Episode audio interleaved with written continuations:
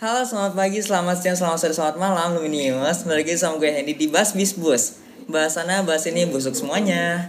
Dan yang pastinya gue gak sendiri nih. Gue sama bintang tamu yang spesial juga. Nah, langsung aja nih dia, Kak Gina Amalia. Halo Kak, gimana? Sehat? Halo, sehat alhamdulillah. Alhamdulillah. Nah, kamu gimana kabarnya? alhamdulillah sehat juga dong. Makanya aku di sini. Baik. Nah, gimana gimana hari ini mau kita mau ngapain? hari ini kita mau ada podcast, kita mau tanya-tanya ulik-ulik yang katanya dulu kakak sempat kuliah di Unpad Bandung ya. Iya betul. Nah, sebelum itu kita mau tahu dulu nih. Eh, mau tahu dulu dong. Kakak tuh siapa biar para alumnius tahu juga gitu. Oke.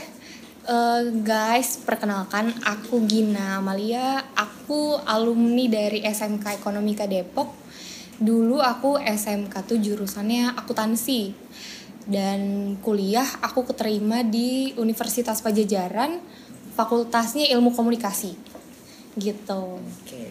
Nah, dulu di kul dulu kuliah di Unpad nih. Boleh dong Kak flashback sedikit waktu zaman-zaman kuliah dulu nih gitu. Boleh, banyak banget sih eh, cerita zaman kuliah. Karena kan aku kuliah empat setengah tahun, rada Oh, ngaret, rada apa-apa ngaret sih. setengah tahun ya gara-gara keasikan main. Terus banyak banget sih. Mau mulai dari yang mana dulu nih ceritanya? Mulai dari oh, mulai dari ini deh. Kan Kakak tinggal di Depok nih. Mm-mm. Kok bisa sih dapat ke Unpad sana gitu? Eh, karena setahu aku Unpad tuh punya program yang namanya eh apa ya? Aku lupa namanya cuma mereka tuh memprioritaskan apa namanya eh anak-anak Jawa Barat dulu gitu untuk masuk sana. Jadi mungkin aku salah satunya gitu. Akhirnya aku keterima juga di sana. Oke.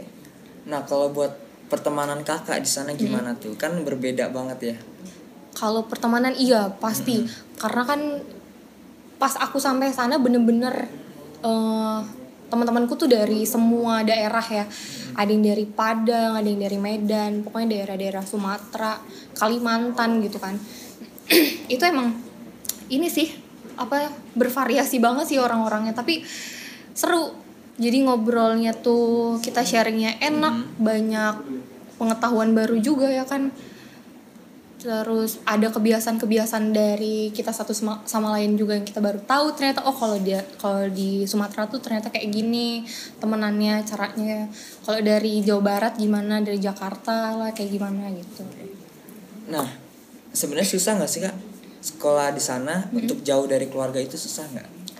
untuk jauh dari keluarga pastinya susah banget. Karena kan emang kayaknya emang itu deh yang jadi pertimbangan utama untuk setiap orang tuh misalnya mau merantau pasti kan pertimbangannya keluarga ya kan. Gimana nih nanti jauh dari orang tua?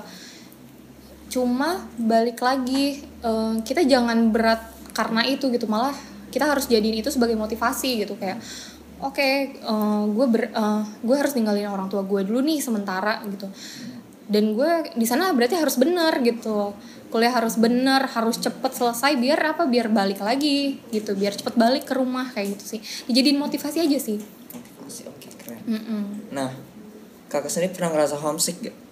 wah itu sih kayaknya udah bener-bener semua anak rantau ngerasain itu homesick yang emang apalagi kalau misalnya bulan-bulan ujian Mm-mm. atau kalau yang memang daerahnya tuh jauh ya. Mm. kalau aku kan masih deket ya masih antara Bandung Depok. Eh sorry Unpad tuh nggak di Bandung. Di mananya Unpad tuh di Kabupaten Sumedang. Berarti sana lagi ya? iya. Itu itu Kabupaten Sumedang sama Depok ya masih deket lah ya. Jadi masih bisa lah dua minggu sekali pulang gitu kalau lagi homesick. Cuma percaya deh. Kalau itu tuh kayak gitu fase-fase homesick itu paling cuma semester 1, 2, 3 doang tuh ngerasa sering homesick kangen rumah apa gimana. Di atas semester 3 itu tuh pasti males pulang. Malah betah di sana malah betah ya? di sana karena kan kita udah bisa beradaptasi di sana temen juga pasti udah mulai banyak. Terus aku jujur sih kalau aku males di jalan. Aku males ya? pulang karena males di jalan. Karena kayak aduh macet di tol. Duh tar aja deh gitu. Malah aku pernah kayak sebulan sekali pulangnya. Dua bulan sekali aja pernah. Kalau seharusnya berapa berapa lama tuh jaraknya? Kalau dulu tuh biasanya waktu maba waktu mahasiswa baru tuh semester pertama kedua aku tuh tiap minggu pulang. Wah. jadi hari Jumat beres kuliah terakhir Heeh. sore tuh aku langsung cabut ke Depok. Nggak capek tuh kak? Iya makanya capek sebenarnya. Cuma namanya belum belum apa ya mungkin aku belum bisa beradaptasi kali ya dulu di sana. Terus temennya juga belum banyak banyak banget. Karena masih maba tuh masih masa-masa ospek apa ya belum bisa ikut kepanitiaan ini itu gitu kan. Jadi temennya juga masih terbatas kalau udah semester 3 gitu kan udah bebas kita udah nggak ada ospek apa. Jadi udah bisa ikut kepanitiaan udah sibuk tuh. Sibuk sama apa kegiatan ini itu gitu. Itu juga sih yang bikin malas pulang. Jadi kayak ah seru nih eh, apa namanya bikin kegiatan ini ini ikut rapat ikut eh, sharing-sharing sama kelo- apa kelompok atau sama ya pokoknya orang-orang seru lain gitu. Jadi bikin lupa sama rumah. Malah keasikan di sana. Iya. Emang kakak di sana tuh ngekos atau apa? Aku di sana ngekos. Oke. Mm-mm. ada temen kos ada temen kuliah juga. Rame sih jadinya. Makanya. Nah buat kakak ngatasin homesicknya itu gimana? Biasanya ngatasin homesick tuh gimana? Karena sekarang teknologi udah canggih ya. Jadi orang tua aku tuh biasanya video call sih selalu. Mm-mm. dulu tuh bener-bener tiap malam sih biasanya. Abis pokoknya malam-malam tuh kiranya mungkin aku udah senggang ya kan? Orang tua juga udah senggang di rumah pasti video call tiap malam kayak nanyain gimana hari ini? gitu hari ini ngapain aja? Besok ngapain aja? Gimana kuliahnya? kayak gitu. Tuh cukup terobati sih karena kan video call kita tatap muka kan walaupun jauh. Berarti termasuk support system juga ya? Mm-mm, pasti jelas support system banget. Nah menurut kakak enakan sistem belajar di sana atau di sini? Di aku belum pernah nyobain sistem belajar di sini. Heeh. karena kan belum pernah kuliah di sini. Oh iya. Berarti langsung di sana ya? Langsung di sana. Oke. Jadi nggak bisa compare. Oke. Mm-mm. nah emang sekarang ini kan kesibukan kakak tuh apa sih? Saat ini aku udah bekerja di salah satu company. Mm-mm. terus iya sih kesibukannya itu sambil karena lagi pandemi gini kan Mm-mm. sambil kadang-kadang WFH sih work from home. Kalau boleh tahu kakak sebagai apa tuh kak di company itu? Eh, sebagai finance and tax officer. Jadi aku balik lagi nih sedikit cerita. Ah, boleh jadi boleh nggak apa-apa. dulu tuh kan aku SMK tuh jurusannya akuntansi ya kan? Heeh. kuliah aku Vkom Mm-mm. pas kerja balik lagi ke akuntansi. Jadi yang kepake tuh ilmuku ilmu yang waktu SMK tapi bukan berarti yang pas kuliah nggak apa sia-sia gitu ya. Itu kan karena komunikasi ya. Jadi beriringan aja berjalan.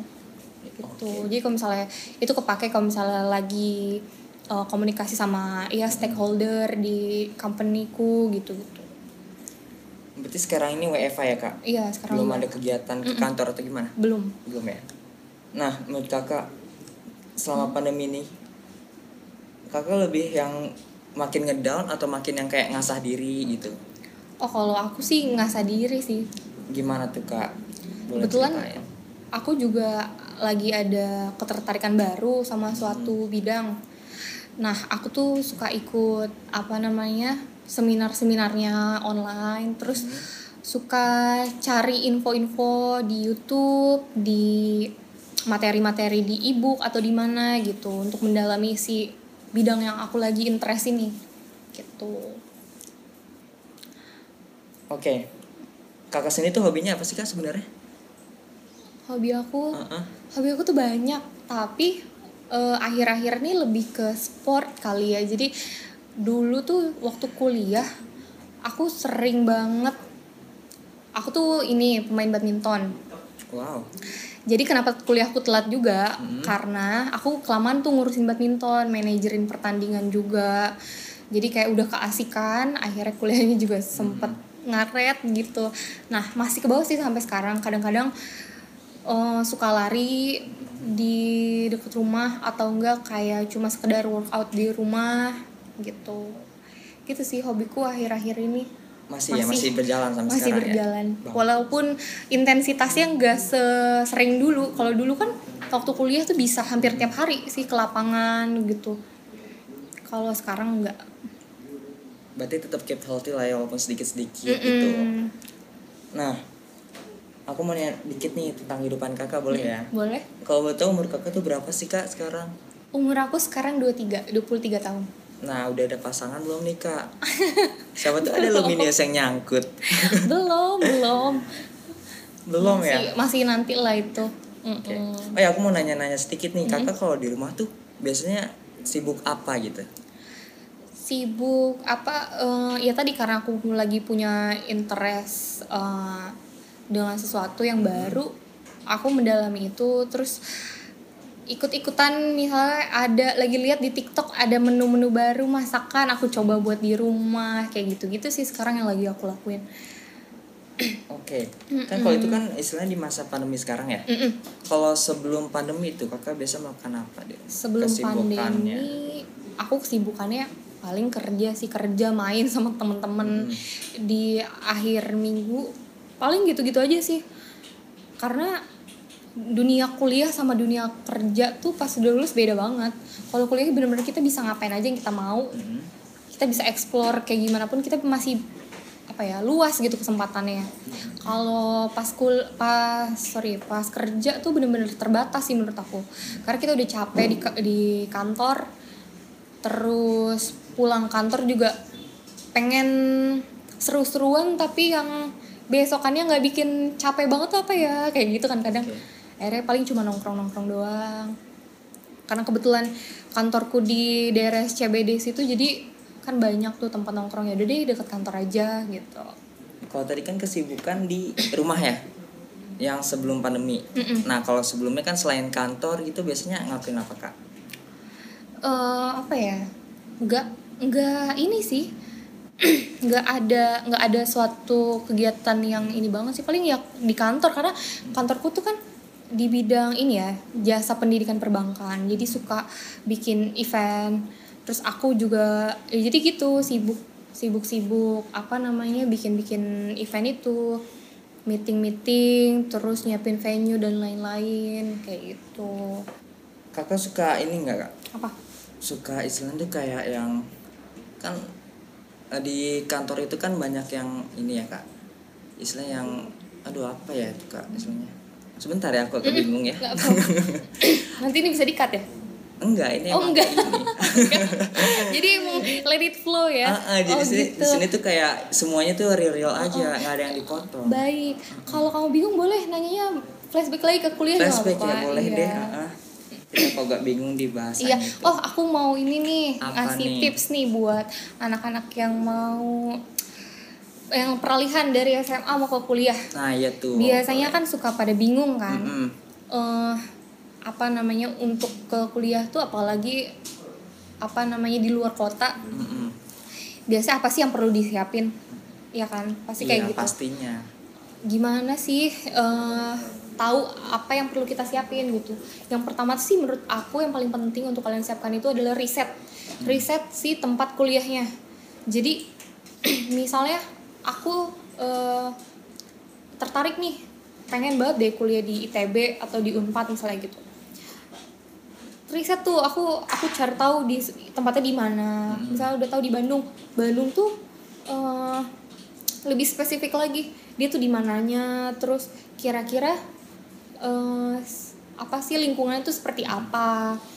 Terus malah kalau bisa tuh sampai ke biaya hidup sih risetnya. Kayak Oke. kayak udah riset sampai ke tempat tinggal. Mungkin nanti biaya sehari-hari di sana bakal berapa kayak gitu. Misalnya kita udah mantep nih itu kan jadi salah satu pertimbangan juga kan biasanya biaya hidup dan lain-lain lingkungan di sana tuh kayak gimana. Karena misalnya kampusnya bagus tapi ternyata kita belum riset nih lingkungannya kayak gimana, kayak gimana pas kita datang ternyata nggak sesuai ekspektasi misalnya ih kok gini ya lingkungannya? Kok kayaknya misalnya nggak aman ya? Atau kok eh, apa eh, tempat-tempatnya kayaknya serem nih gitu. Tempat kosannya kok kayak serem padahal itu kitanya sendiri yang ternyata belum explore gitu. Kayak gitu sih. Terus kayak kita tuh sebagai anak kos ya Anak harus kos. iya kita sebenarnya anak kos ah.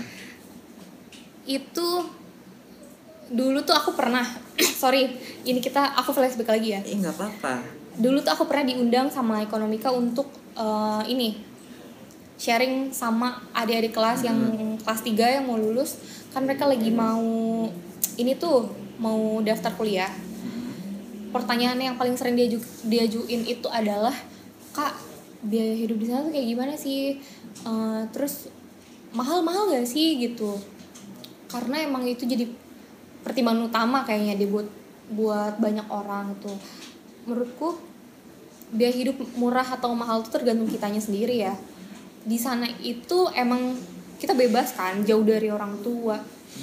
Jadi kita tuh making decision sendiri gitu. Jadi kita mau hedon mau hemat ya gimana kita? Tips aku sih kita sebagai anak rantau iya tau lah punya timing sendiri gitu. Kapan kita harus hemat misalnya ya Senin sampai Jumat kita irit-irit lah makannya gitu. Nanti weekend kita mungkin bisa main ke mana sama teman-teman boros sedikit nggak apa-apa kayak gitu sih. Tips aku kayak gitu. Karena kalau misalnya aku pernah waktu awal-awal perkuliahan aku bener-bener boros banget bener-bener boros banget sampai kayaknya aku tuh jajan udah kayak UMR Jakarta. Wah. jadi makanya kayak sampai orang tua aku tuh kaget gitu loh. Hah kamu buat apa? gitu. Jawabanku tuh aku buat ini untuk makan gitu. Karena ya itu aku di awal aku nggak riset kan. Di situ tuh daerahnya ada tempat makan apa aja mana nih tempat-tempat makan yang kiranya hemat gitu kan. Aku tuh nggak. Jadi makan karena aduh nggak tahu tempat makan di mana ya. Udah di mall terus eh, gitu hedon gitu sama teman-teman kayak karena teman-temanku banyak yang dari Bandung juga jadi ya gitu gin ayo makan di Bandung aja lah kayak gitu gitu kan. Ya udah aku ikut ikut gitu. Jadi di semester pertama semester kedua itu bener-bener nggak bisa kontrol banget sih. Tapi udah semester ketiga naik ke atas udah udah membaik lah. gitu. Mm-mm. soalnya udah tahu kalau itu tuh udah tahu daerahnya ya kan? Udah bisa kontrol diri juga udah ya beda lah. Dan euforia di awal-awal perkuliahan tuh masih dapat banget. Jadi kayak istilahnya lo mau nakal-nakal karena jauh dari orang tua kan lo mau nakal senakal nakalnya mau gimana pun mau jungkir balik tuh bisa gitu kan. Karena nggak ada orang tua pulang malam bisa. Istilahnya bebas iya gitu ya. bebas banget sebebas itu. Jadi eh, bener-bener di awal-awal perkuliahan semester 1 2 tuh ini sih belum bisa atur gitu. Untuk semuanya untuk waktu uang tenaga juga bahkan masih kurang sih manajemennya. Jadi wajar sih kalau misalnya anak-anak baru tuh pasti kayak gitu. Masih belum bisa karena kan peralihan ya dari SMA dari yang masih istilahnya kekanak-kanakan apa-apa di provide sama orang tua eh, terus sekarang tiba-tiba ngekos bisa apa namanya harus memutuskan semuanya sendiri gitu kan. Terus ngerasa punya kebebasan tuh beda sih. Waktu kuliah dulu tuh kakak yang dapat part time atau yang full dapat kiriman dari Oh. keluarga gitu. aku alhamdulillah aku dapat kiriman dari orang tua full Eh, banyak temenku juga yang ikut-ikutan part time kayak jadi barista di salah satu coffee shop kayak gitu-gitu kan itu bagus sih kayak gitu karena dia nggak menutup diri gitu dia eh, ngelihat opportunity terus dia gercep gitu untuk oke gue bisa gue bisa manage waktu gue untuk kuliah gue bisa manage waktu gue bahkan untuk dapetin uang lebih gitu. Jadi itu pinter sih menurut aku bagus banget kayak gitu. Banyak kok teman-teman. Terus juga yang bikin usaha sendiri kayak kalau di perkuliahan itu kan di tempatku di Unpad tuh ada empat kali wisuda. Eh, banyak yang jualan bunga kan. Nah bahkan ada mahasiswa yang bikin usaha sekarang tuh saya udah gede itu bikin ini bunga bunga kertas. Namanya buker. Buket gitu. namanya buker bu, bunga kertas. Iya ini dibikin dibikin buket. Kan kalau misalnya bunga bunga asli kan gampang layu kan. Mm. dan itu biasanya kita langsung buang dong nggak berbekas. Nah ini tuh mm, ada salah satu mahasiswa yang bikin inovasi bikin bunga tuh dari kertas. Jadi dia tuh ngajak mahasiswa lain juga untuk join kayak "Eh, iya kerja bareng-bareng akhirnya kan menghasilkan juga bareng-bareng kayak gitu sih. Kreativitas kayak gitu yang harus ditambah gitu makanya kita kalau apa ya kalau jauh dari orang tua kalau kuliah ngerantau gitu emang harus membuka diri sih jangan takut takut gitu. Jangan takut ikut ini jangan takut nyoba itu gitu. Itu sih. Nah nih kak kan aku kan juga istilahnya mahasiswa baru nih. Mm-mm. baru tahun ajaran tahun ini juga aku baru mulai. Nah Mm-mm. ini aku bingung banget nih yang caranya nahanin IPK biar bagus tuh gimana sih kak? Kakak termasuk yang gimana IPK nya oh iya. IPK ya? Heeh. aduh gimana ya? IPK aku juga nggak gede-gede banget. Eh alhamdulillah IPK aku masih di atas tiga. Oh bagus sih masih. Ya eh, cuma nggak ya kalau temen-temen aku ya aku nggak tahu di unpad tuh kenapa. Emang orangnya pinter-pinter apa gimana? Banyak banget eh, temen-temenku yang IPK 4 wow. 4 tiga sem- 3,9 itu kayaknya udah biasa gitu. Bener-bener aku tuh ngeliat temen-temen duh gampang banget ya. Bener-bener kita tuh kita tuh masuk kelas bareng-bareng ngerjain tugas sama-sama. Tapi dia tuh bisa maksudnya istilahnya nggak ada usaha dia yang lebih gitu. Kita tuh semua sama. Tapi ya beda-beda ya. Kali eh, si dosen itu juga punya penilaian sendiri ya kan jadi masing-masing orang pencapaian IPK-nya sendiri beda gitu terus susah atau enggak karena aku di bidang komunikasi Mhm.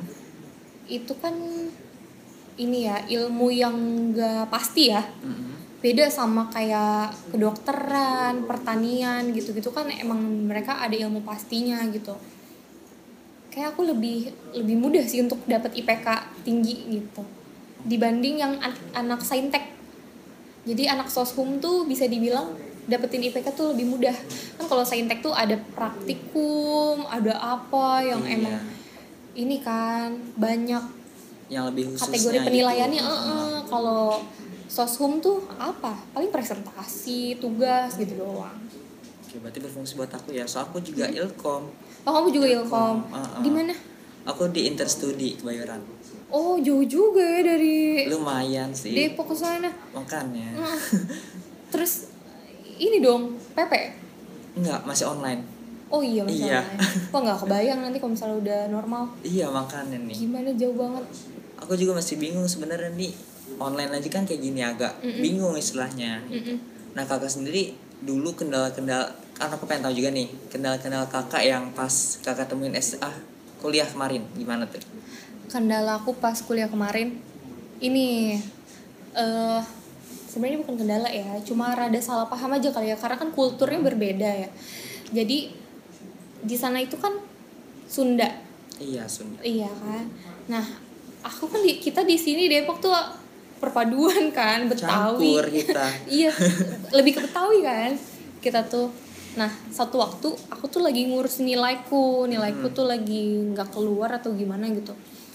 Eh, ada aku ke TU aku tanya pak eh ditemenin tuh sama teman aku yang memang dia juga orang Sunda kan. Eh, pak eh, permisi saya nilainya ada yang nggak keluar nih gini gini gini gini. Bapaknya tuh nanya balik oh kamu dari kelas ini ya? Aku jawabnya gini heeh.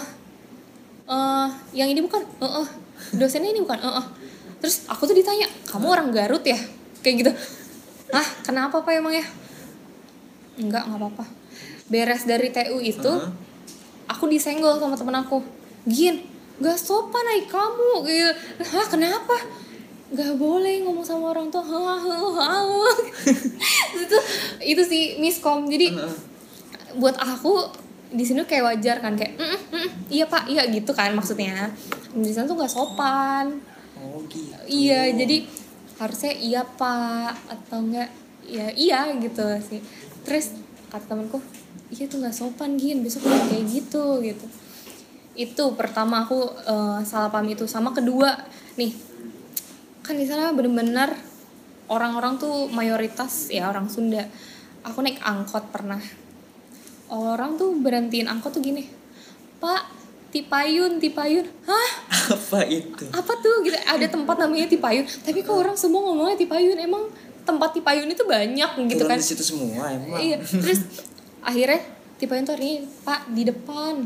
Gitu maksudnya mau turun pak di depan gitu. Kayak kalau kita tinggal kiri bang gitu. iya gitu kiri kiri pak gitu kan.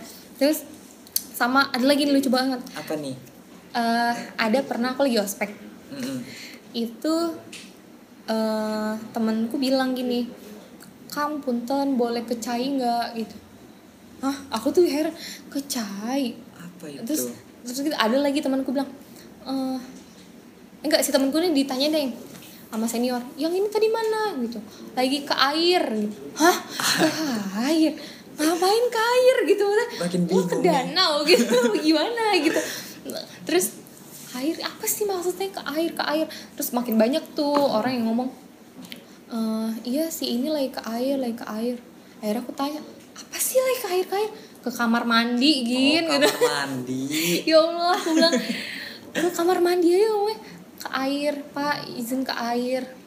Itu lucu sih buat aku kayak ya kan aneh ya? Aneh kita dengar air biasa, air. Iya. apa ini air? Nggak biasa kita denger izin ke air bilang aja kan kita biasa denger pak izin Toilet toilet gitu. kamar mandi gitu ini ke air itu lucu sih kayak seru tuh zaman zaman ospek boleh ceritain Iya. nggak tuh ospek gimana di sana zaman ospek Heeh. itu lucu sih dan seru banget tegang juga itu karena kan aku seangkatan tuh ber 21 Mm-mm. eh ber 21 ber 121 nah itu tuh yang paling seru waktu part pemilihan ketua angkatan. Jadi setiap eh, jurusan atau eh, fakultas tuh kan ada ketua angkatan kan. Nah waktu itu ditanya nih sama tatip ya kan sama bagian yang galak-galaknya tuh ditanya eh siapa nih yang mau jadi ketua angkatan? Gitu. Satu angkatan aku tuh diem semua. Bener-bener yang diem aja. Sampai sampai anak tatipnya tuh gergetan gitu kayak ini angkatan tuh. Bikin gergetan gimana sih kita tuh kalau nanya orang nggak dijawab aja gergetan kan? Iya. Nah, kayak gitu ditanya berkali-kali. Bagaimana nggak ada yang jawab. Akhirnya eh, aku sama kelompok aku ngajuin tangan angkat tangan. Eh, ada dari kelompokku tuh ada dua ada tiga orang angkat tangan. Eh, dan itu kita nyalonin jadi ketua angkatan terus akhirnya oh ya dan di situ tuh aku cewek sendiri. Jadi yang nyalonin tuh akhirnya ada empat atau lima gitu apa lima orang dan aku tuh cewek sendiri. Dan di proses seleksinya tuh seru sih karena yang namanya cewek sendiri ya.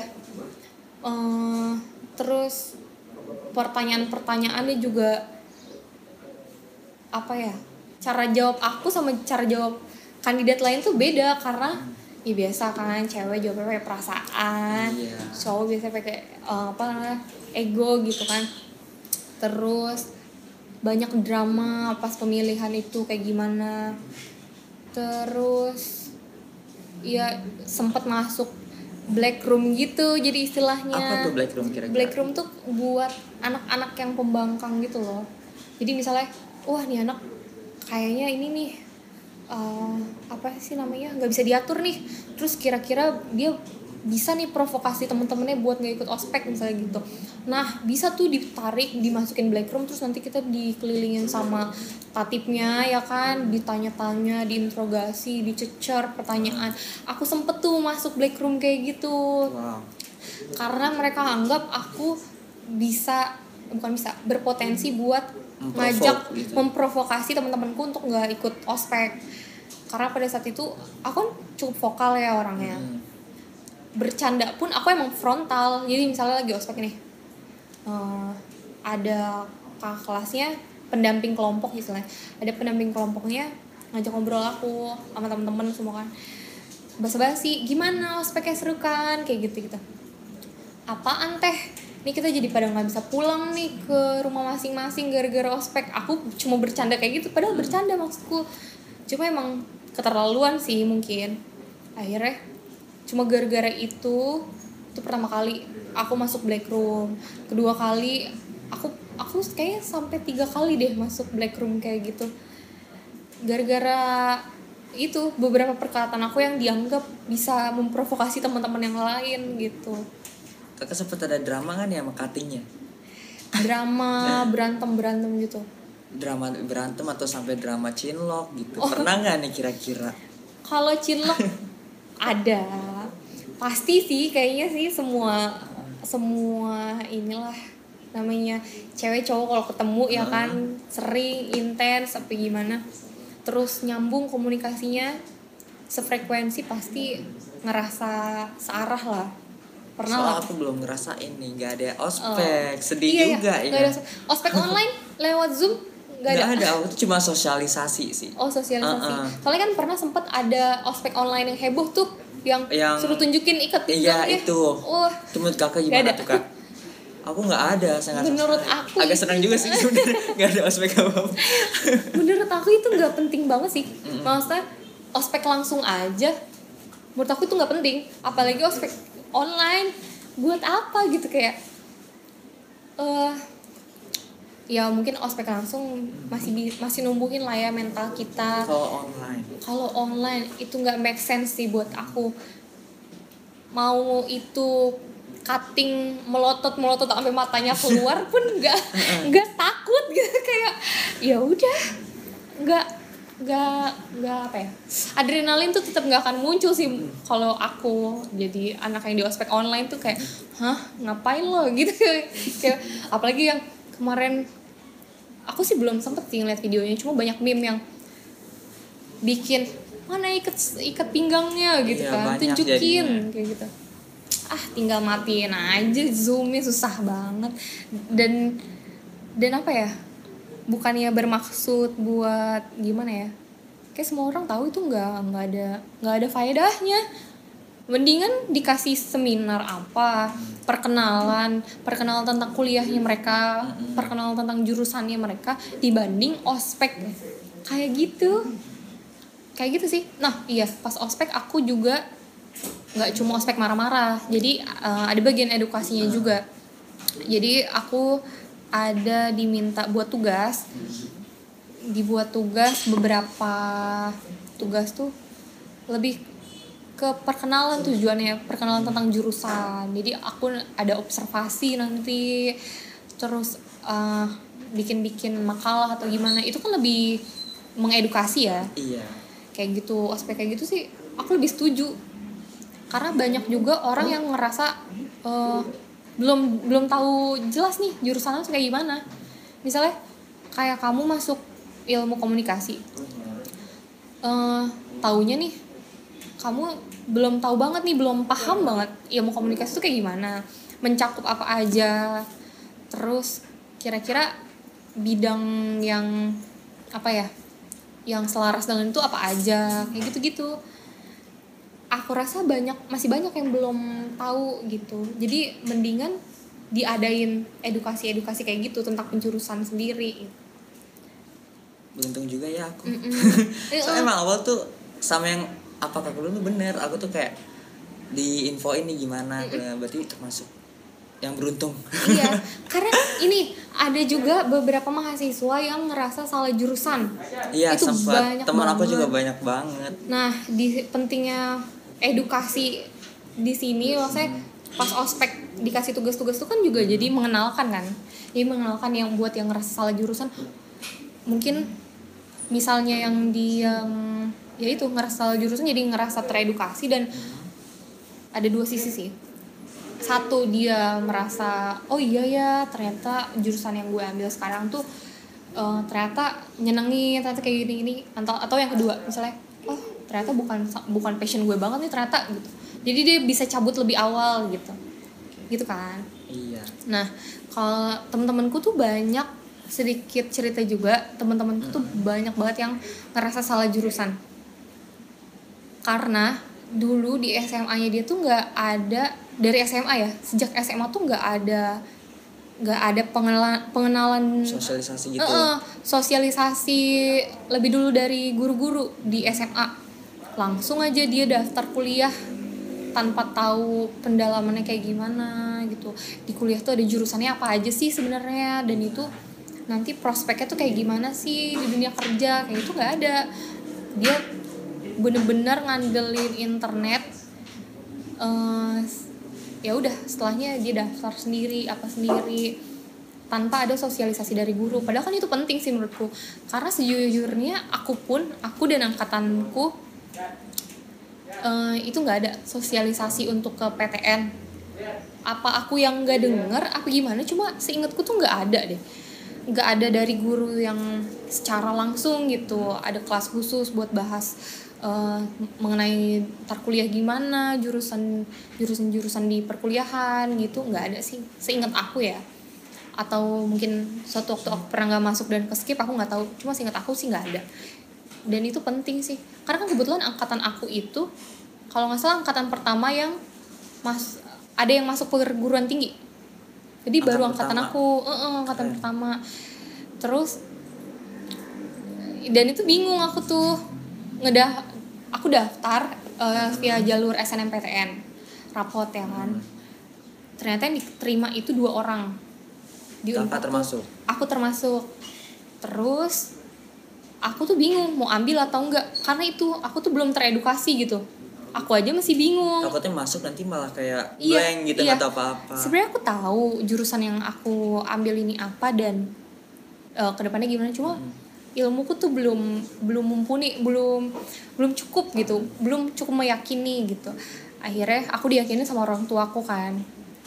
Uh, dan kebetulan orang tua juga bilang kasihan nanti adik kelasnya kalau kalau kamu tolak unpad. Ya kalau kamu tolak unpad nanti kasihan adik kelasnya ke ke blok gitu istilahnya. Jadi sekolahku tuh nanti bakal ke blok. Kalau aku Tolak- tolak. nolak. Heeh. jadi oh iya kasihan juga nih ntar bawa-bawa gue ya kan. Ya udah deh ambil aja coba akhirnya. jalan Mm-mm, coba jalan karena gamblingnya juga adalah aku tuh udah keterima di salah satu uh, perguruan tinggi swasta. Aku dulu di UPN oh. jadi pas lagi kelas 3 tuh aku udah bikin banyak plan. A B C D negerinya tuh mana aja yang mau daftar swastanya tuh mana aja. Nah eh, negeri tuh aku daftar UI sama Unpad. Terus eh, sambil nunggu SNMPTN aku nyoba di UPN Eh, ininya kan plan B-nya kalau swasta. Udah di UPN udah bayar udah ujian tinggal masuk. Eh pengumuman SNMPTN dan dapet dan dapet alhamdulillah. Jadi gamblingnya tuh di situ juga. Duh gimana ya kalau di unpad gue ilmu komunikasi masih sesuatu yang baru gitu. Kalau di UPN tuh dulu aku jurusannya akuntansi nerusin. Nerusin keilmuan waktu SMA SMK ya kan jadi gambling tuh antara nerusin atau pindah jurusan kayak gitu. Terus akhirnya ya udahlah ambil aja unpad. Lucunya nggak berapa lama kemudian UPN jadi negeri. Iya kan? Itu tahun berapa tuh berarti 2014 oke. Kalau nggak salah UPN tuh jadi negeri 2015 awal atau 2014 akhir gitu. Pokoknya jadi negeri tapi ya nggak nyesel nyesel amat sih karena kan akreditasi juga masih belum kali ya UPN jadi ya udah ngejalanin deh di unpad sehari-hari selama empat setengah tahun. Akhirnya selesai juga. Akhirnya selesai juga banyak drama. Cerita. Eh eh, cerita nggak bisa move on berbulan-bulan. Susah banget move on dari dunia perkuliahan ke dunia sehari-hari realita gini tuh rasanya tuh kadang kadang-kadang misalnya lagi sendirian lagi jalan ke mana tuh ngerasa pengen duh pengen balik lagi deh ke zaman kuliah gitu karena suasananya itu beda banget. Suasananya itu beda banget. Terus kita bisa bebas ngapain aja gitu. Kayak banyak temen mau ke mana-mana sama temen tuh bener-bener kapan pun bisa. Jadi yuk malam nih misalnya jam 12 malam skripsian yuk jam 12 malam keluar. Ya udah sampai pagi sampai jam 5 pagi di luar skripsian. Kalau di sini kan beda ya tanggung jawab yang diambil juga udah beda. Udah kerja udah balik lagi di rumah orang tua. Jadi udah jadi tanggung jawab orang tua lagi kan balik ke sini tuh. Beda sih. Sampai sekarang masih nggak tuh kira-kira kontekan sama temen-temen kakak yang di apa unpad kemarin? KKN teman-teman oh temen-temen. Ah, ah. temen-temen? Kayak boleh tuh ceritain. masih masih. Masih masih masih kontak terakhir banget dua hari yang lalu si video call sama temen KKN makanya tadi ah KKN gitu. Dengernya kamu ngomong KKN boleh tuh ceritain tuh yang teman iya jadi kalau di kuliah tuh ada yang namanya KKN kan. Eh, kuliah kerja nyata. Dulu itu zaman aku di Unpad waktu KKN itu satu bulan. Dan kalau di Unpad itu KKN-nya di luar kota. Jadi eh, apa ya kita ada beberapa daerah nih. Mm-mm. Yang bisa jadi pilihan untuk kita. Mau KKN di mana? Tapi masih di Jawa Barat. Eh, karena kan kalau Unpad itu fokusnya pembangunan untuk pembangunan itu apa? Kontribusi untuk Jawa Barat kan. Mm-mm. ya udah jadi daerah sekitar Pangandaran Tasik Garut Ciamis gitu kan. Aku pilih di Pangandaran di paling ujung. Itu gimana itu ceritanya 30 hari sama 25 orang di dalam satu rumah. Itu gimana kak di sana? Jadi di sana tuh kita bikin program-program eh, apa sih ya kontribusi lah kontribusi mahasiswa unpad untuk warga gitu. Akhirnya kita ikut bantu ngecor jalan terus mungutin sampah di pantai. Terus iya kerjasama sama Karang Taruna sama eh, bapak-bapak situ itu untuk memperbaiki jalan terus juga eh, kita ke SD SD ngasih ikut ngajar selama 30 hari kita ikut ngajar di SD terus ngasih apa ya edukasi ke anak-anak SD terus ke ibu-ibu ibu-ibu yang punya UKM UMKM gitu gimana caranya memarketingkan usahanya nih biar makin banyak orang yang tahu soal usahanya. Terus gitu sih kita ngasih tahu apa il kita sharing ilmu yang kita tahu untuk mungkin nanti bisa dikembangkan oleh mereka gitu. Eh terus selama 30 hari di sana di dalam satu rumah KKN tuh bener-bener itu cerita yang baru sih bener-bener. Kalau kita kan di kampus ketemu orang-orang kelas ketemu teman-teman sekelas Mm-mm. ya kita kan ketemu cuma di kelas doang ya. Kita nggak ketemu 24 jam. Iya. cuma ketemu kalau ada kelas yang sama aja. Cuma kalau KKN tuh bener-bener dari bangun eh dari melek mata sampai mau merem itu tuh yang dilihat mereka 25 orang. Jadi sering bersih tegang lah adu kepala adu opini. Terus tapi pastinya sering juga ketawa-tawa bareng apa gimana. Kayak gitu banyak banget eh, pendapat-pendapat yang beda. Tapi gimana pun caranya kita harus satu ini gitu. Karena kan kita tujuannya ke sini buat kontribusi buat masyarakat kan. Nggak bisa egois eh, apa ide siapa yang mau dipakai apa gimana. Jadi harus nyari jalan tengah yang di mana tujuannya sama berorientasi buat berkontribusi buat masyarakat gitu.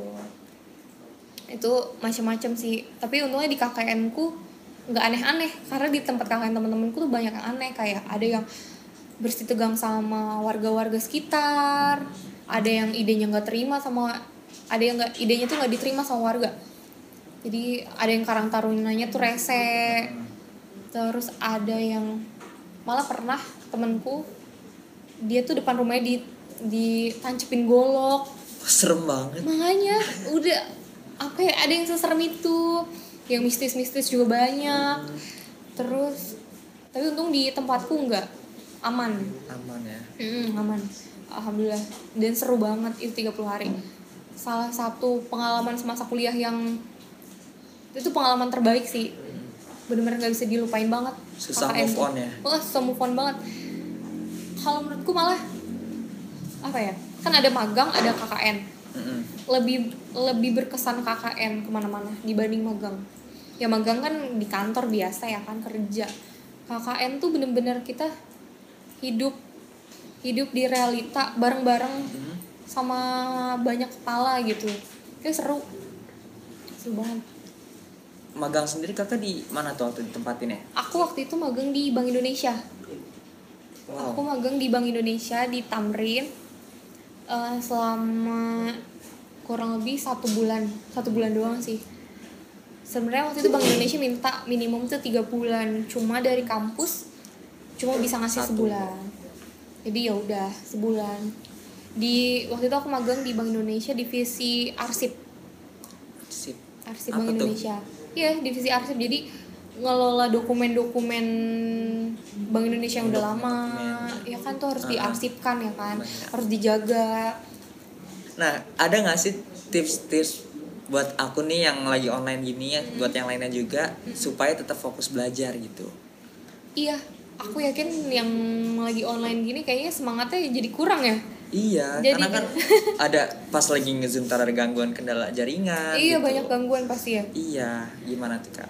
tipsnya adalah eh ini udah ini belum sih belum mulai belajar tapi ya Aku udah mulai mau UTS malah. hah cepet banget udah mau UTS aku. anak kayak anak baru langsung UTS Iya, aku masih belum tahu apa-apa. Masih belum terlalu tahu banyak tentang kampusnya gimana. Aku pun salah satu orang yang belum tahu kampusnya di mana.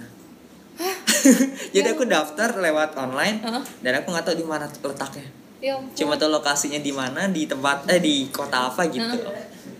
itu tapi pembelajaran udah mulai dong Udah, udah mulai. kenal teman-teman Untuk kenal Chatting mungkin ketemu doang ya? pernah udah ket- pernah ketemu. Oh, Malah lebih duluan ketemu temen ya dibanding yang dosen-dosennya siapa Heeh. gitu. oh gitu Heeh. tapi untung sih udah ketemu teman-teman kan udah. jadi tektokannya lebih enak dibanding kayak yang kayak cuma baru lewat chat Mm-mm. gitu kan tipsnya itu buat aku apa ya walaupun lagi online kayak gini eh, komunikasi sama teman-teman tuh harus tetap lancar sih Penting banget itu. karena itu juga kita kan kuliah kuliah itu buat kita tempat bangun relasi juga kan Mm-mm. Walaupun lagi online kayak gini dan kita nggak tahu sampai kapan kan online kayak gini tuh ya bangun aja komunikasi dari sekarang. Eh, maksudnya di grup tuh aktif aktif nanya uh, sama teman-teman atau sekedar sharing-sharing apa. Ngirim-ngirim jokes juga nggak apa-apa gitu maksudnya ya untuk Ngebangun untuk ngebangun gitu. ngebangun kekompakan di angkatan ya kan sama teman-teman terus eh, apa ya kedua itu jangan males buat eh jangan terlena sih. Misalnya walaupun kita online kayak gini Mm-mm. kita kan kadang duh males deh searching lagi soal si mata kuliah itu kayak gimana sih? Gitu. Sebenarnya maksudnya apa? Jangan males gitu. Karena kalau males kita kayak jadi keluar misalnya dosen ngomong ngejelasin via zoom jadi masuk kuping kanan keluar kuping kiri jadi percuma gitu kita kuliah ya kan? Jadi karena situasinya sedang kayak gini kita harus usaha lebih juga lah. Ada usaha lebih untuk nyari ilmu juga kita googling sendiri kita belajar sendiri gitu. Jangan cuma ngandelin dari dosen. Karena jujur deh bela- belajar via zoom emang masuk?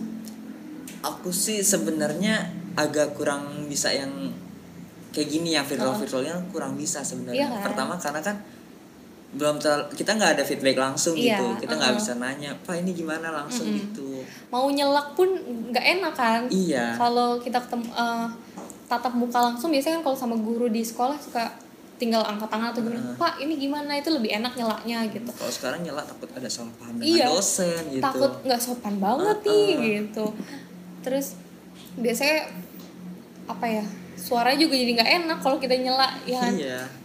jadi gitu sih. Jangan jangan males untuk untuk apa belajar sendiri gitu. Jangan ngandelin cuma dari dosen aja. Terus jaga kompakan sama teman-teman angkatan terus apa lagi ya? Udah sih kayaknya dua itu sih penting deh. Sama kayaknya kalau bisa walaupun lagi online ini tetap sih nyari relasi sama kakak tingkat. Karena itu apa buat kita sharing-sharing tuh bagus banget. Pengalaman. pengalaman mereka kan pasti jauh lebih banyak daripada kita. Mereka udah ngerasain duluan daripada kita. Jadi itu penting. Mungkin suatu saat kita bisa minta tolong sama mereka atau ada sesuatu yang emang perlu bantuan mereka kan jadi gampang gitu. Jadi itu sih. Itu aja sih tips dari aku tiga itu. Tips yang sangat bagus ya Luminius. Nah, oh ya Kak, kalau di acara ini tuh setiap episode pasti selalu ada quotes dari tamunya. Nah, buat Kakak kira-kira apa nih quotes-nya?